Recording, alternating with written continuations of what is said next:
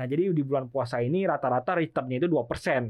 Jadi memang kalau dikatakan, oh biasanya kalau tiap bulan puasa membawa berkah bagi ISG, berarti itu benar gitu. Mm, Dilihat dari mm. 12 tahun terakhir.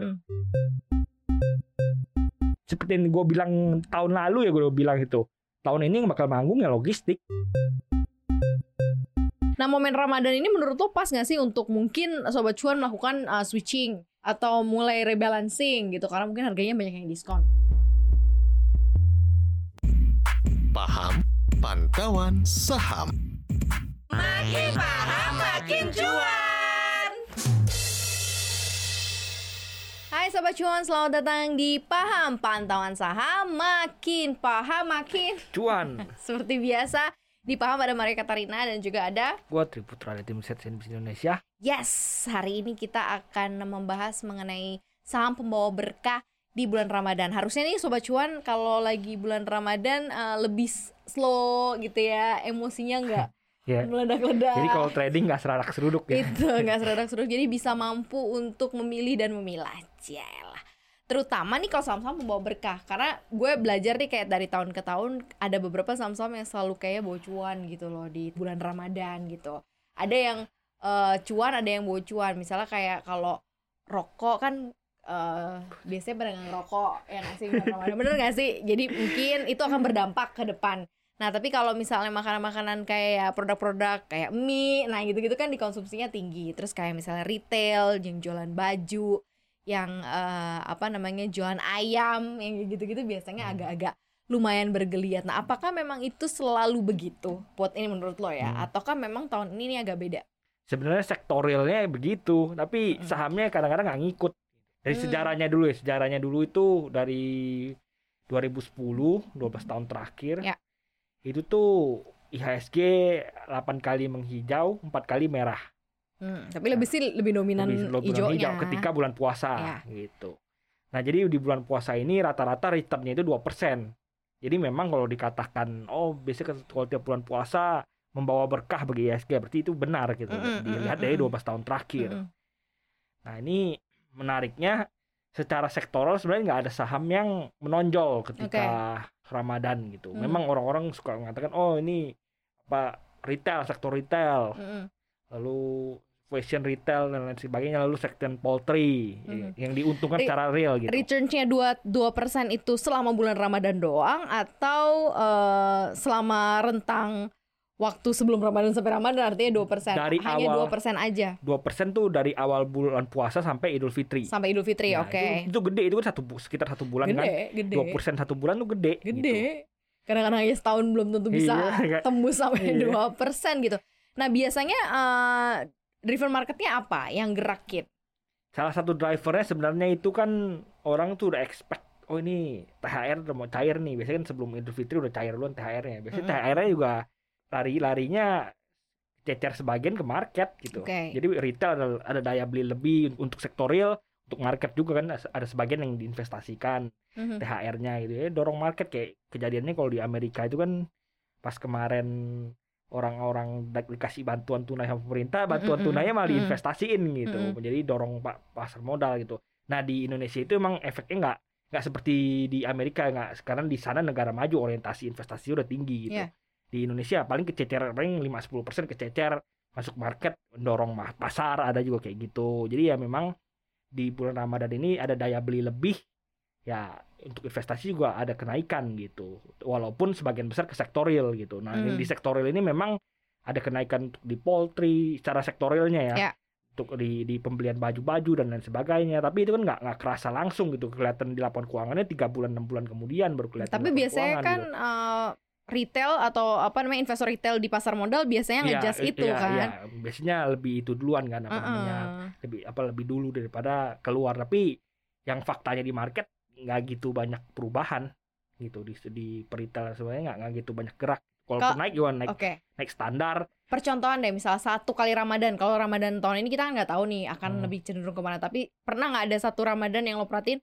Eh gila ternyata bulan Ramadan ini yang paling banyak naik justru malah eh, saham-saham apa properti gitu malahan gitu. Yang pernah lo perhatiin? yang gue lihat itu di sektoran rata kan ini gue bilang lah 10-12 tahun terakhir hijau kan dua Hmm. persennya ya rata-rata kenaikannya sesuai dengan itu indeks sesuai dengan indeks yang paling apa namanya fi- finansial naik hi- hijau gitu Mm, paling mm, paling apa namanya nggak banyak tapi dia dorong indeks paling gede lalu sektor retail naik juga hijau juga tapi ya nggak gitu gede gitu ya Mhm. jadi semuanya memang naik gitu Kalau di antara 12 tahun terakhir 8 kali ijo, berarti kan masih ada empat nih yang nggak ijo. Itu sebabnya apa tuh? salah satunya waktu itu kan ada di 2000 habis 2008 itu kan ada pengetatan iya, moneter iya, gitu iya, tuh iya, iya, Nah, iya. gitu-gitu yang mencepat menyebabkan Indonesia apa IHSG nggak hijau apa namanya ketika di US apa namanya naikin suku bunga Hmm. dan lain sebagainya itu Pandemi ada kita darah. kemarin sempat nggak sih? Sempat apa-apa merah atau malah tetap ijo nih 2010 2000 Kalau eh 2020 2021.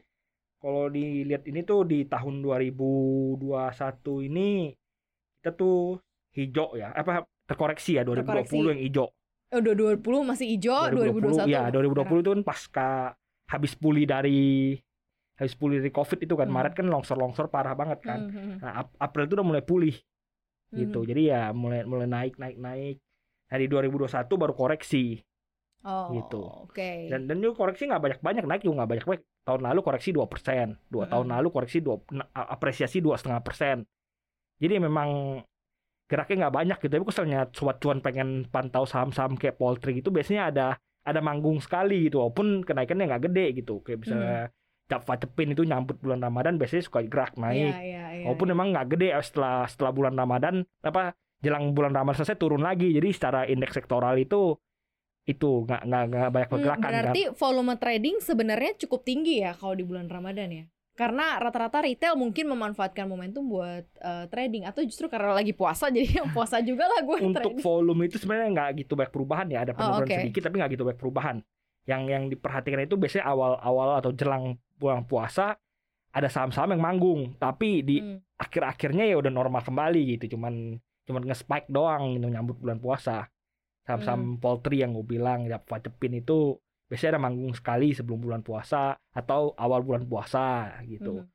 Ya sektor peritel-peritel kayak ya, PPF, Mapi, MAPI, dan sebagainya itu ya Ras, ja- gitu-gitu. jarang banget apa namanya kalau naik juga segitu-segitu aja gitu. Mhm. Inline sama indeks ya sebutannya ya. Kalau tahun ini mungkin ada yang agak berbeda karena kan di bulan yang sama juga ada IPO yang gede nih. Nah, ada Goto juga yang mau IPO. Terus ada beberapa pilihan-pilihan saham teknologi nih kan di di Hmm. tahun ini ya. Dan juga ada ada banyak lah mungkin uh, orang atau mungkin retail bisa bertransaksi di bursa kita di bulan Ramadan tahun 2022 ini. Yang lo lihat gimana? Ya kalau untuk saham-saham teknologi sebenarnya sebelum cycle-nya ya. Hmm. Walaupun akhir-akhir ini banyak yang udah mulai bangkit ya cuman sentimen sesaat aja gitu. Masih belum masih belum jam tayangnya istilahnya gitu. Berarti nggak masuk ke dalam saham pembawa berkah dong ya? Ya Sesuai judul kita ya hari ini. kalaupun hijau juga inline sama indeks seperti gue bilang. Misal indeksnya naik 2% dia bobot indeksnya sekian ya naiknya tipis. Nah, kalau yang lo lihat kan ah, tadi kan lo bilang dari 12 tahun 8 hijau, 4 merah. Kalau tahun ini lo lebih lihat dominasinya apakah akan hijau ataukah akan ah, merah nih tahun ini untuk Ramadan. Se- sebenarnya sangat agak-agak susah ya kalau Hmm. tanya kayak gitu kan. Kita tahu nih mas bulan Ramadan pertama ini tuh IHSG kan dibuka all time high penutupan ter- tertinggi sepanjang sejarah ya. iya.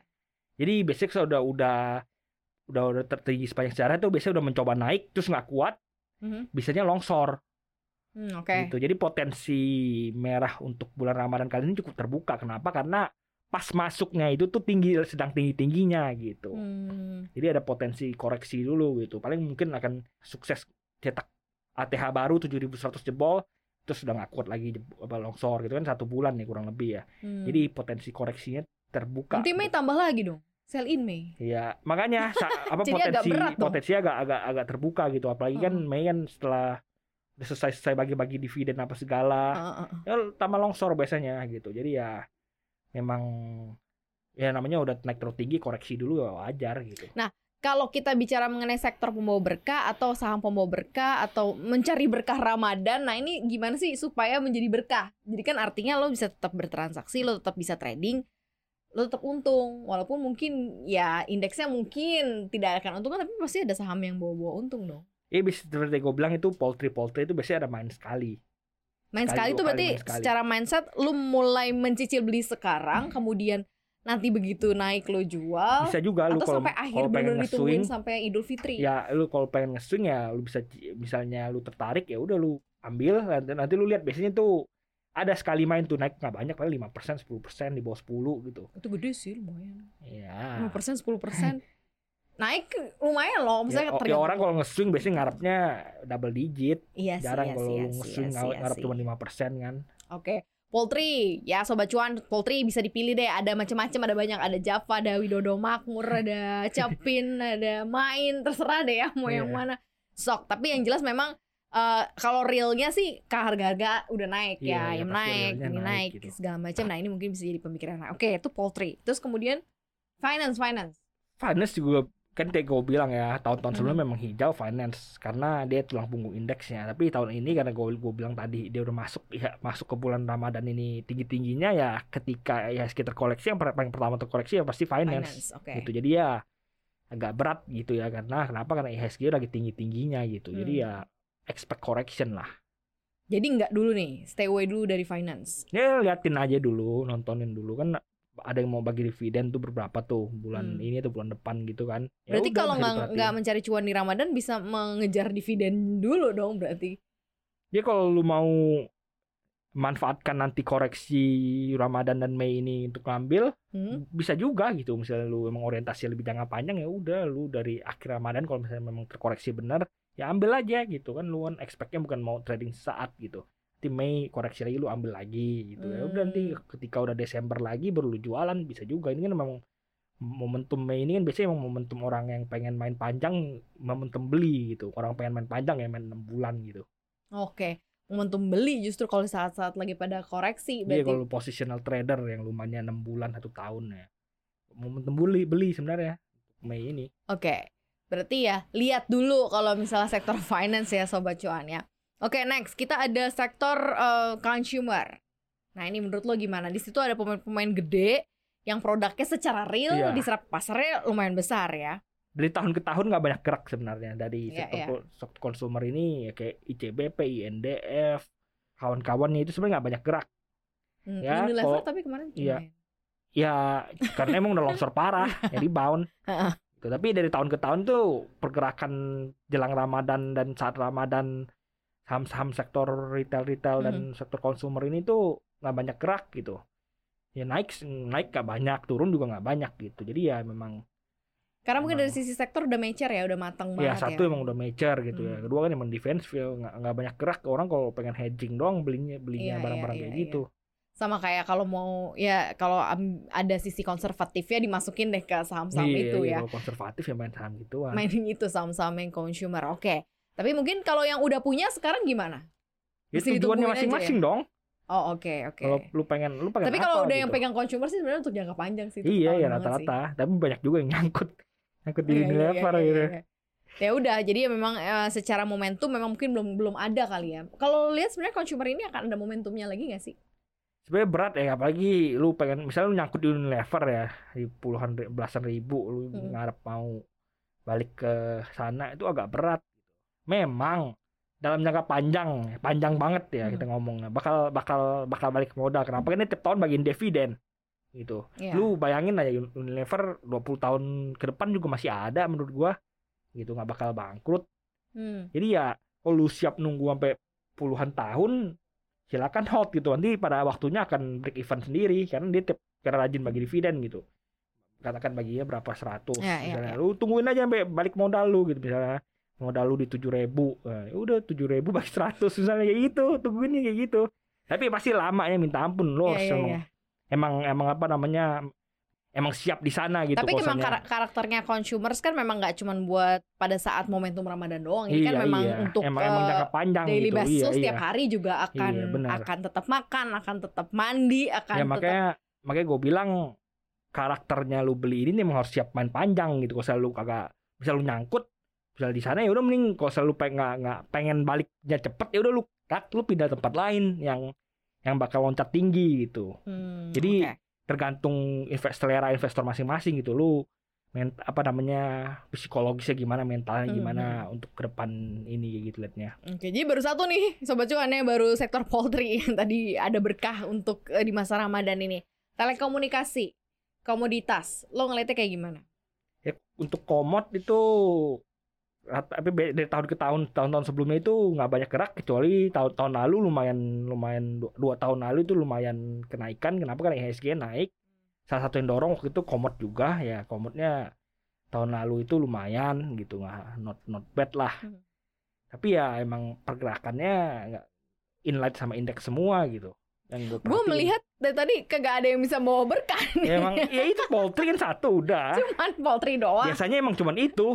Itu juga naik di awal terus tiba-tiba jelang jelang Idul Fitri udah turun lagi udah udah normal lagi gitu. Karena memang rata-rata ini cuman geraknya sama dengan indeks doang itu inline sama indeks doang. Berarti nggak ada eh, apa ya momentum yang gimana-gimana dong ya walaupun Ramadan iya gitu ya. iya emang kayak gitu kok.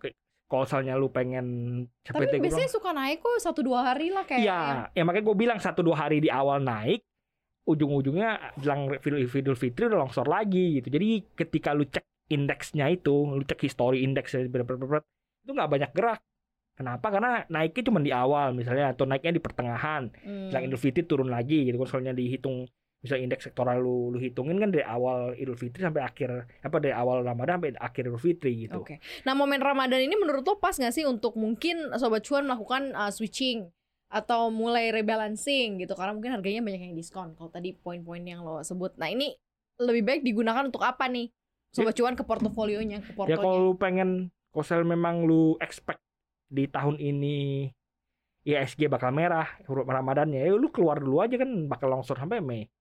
Kalau emang lu expectnya Jadi itu ya. nadahnya di bawah bener-bener di bawah di Mei gitu. Iya, ya kalau lu apa misalnya lu pengen rebalancing, Hmm. ya udah keluarin dulu ya apa gedein cash dulu aja gitu nggak nggak lu keluar semua juga tiba-tiba. Gedein cash aja dulu nanti Juni, Juni, apa Mei, Juni udah baru lu ngumpulin lagi gitu.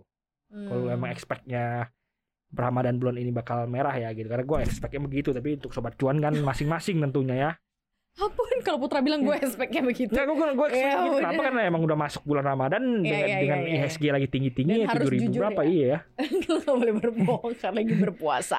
Oke, uh, poultry dan another sector ada lagi gak sih? Karena kan tadi kalau dilihat teknologi is not a momentum, nggak ada, belum ada momentumnya. sebenarnya Consumer finance kata lo tadi ya gitu-gitu. aja. sebenarnya finance biasanya hijau Nah, biasanya. biasanya hijau tapi karena gue bilang tahun ini kelihatannya Ramadan ini bakal merah jadi ya itu karena dia tulang punggung indeks ya kemungkinan juga merah kalau IHSG nya merah gitu Ya enggak ya, SG merah gara-gara tuh finance merah gitu. Iya iya iya ISG merah gara-gara finance merah finance merah yang menjambak IHSG merah jadi ya timbal balik biasanya.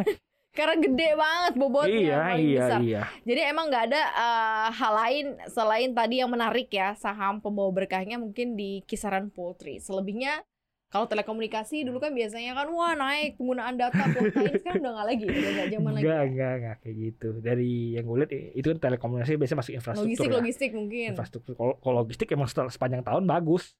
Sepanjang tahun bakal bagus nah, logistik. Enggak, gue bilang kayak logistik emang sepanjang tahun bagus. Ya karena selama lu masih belanja online ya, nggak? Ya satu itu selama lu masih belanja online. Kedua kan logistik nggak cuma barang-barang logistik. Ya iya Peti, iya. peti kan Peti apa namanya? ya, kontainer kan sekarang kan Kontainer, ya. lagi mahal-mahalnya. Ya ngirim-ngirim lagi lagi itu lagi tinggi satu. Hmm. Terus kalau mau ngirim juga. kalau mau ngirim Komoditas komoditas juga, iya, komoditas juga misalnya lu iya. kirim ke luar negeri gitu. Itu Iya. lagi mahal-mahalnya itu. Jadi ya seperti yang gue bilang tahun lalu ya gue bilang itu. Tahun ini yang bakal manggung ya logistik.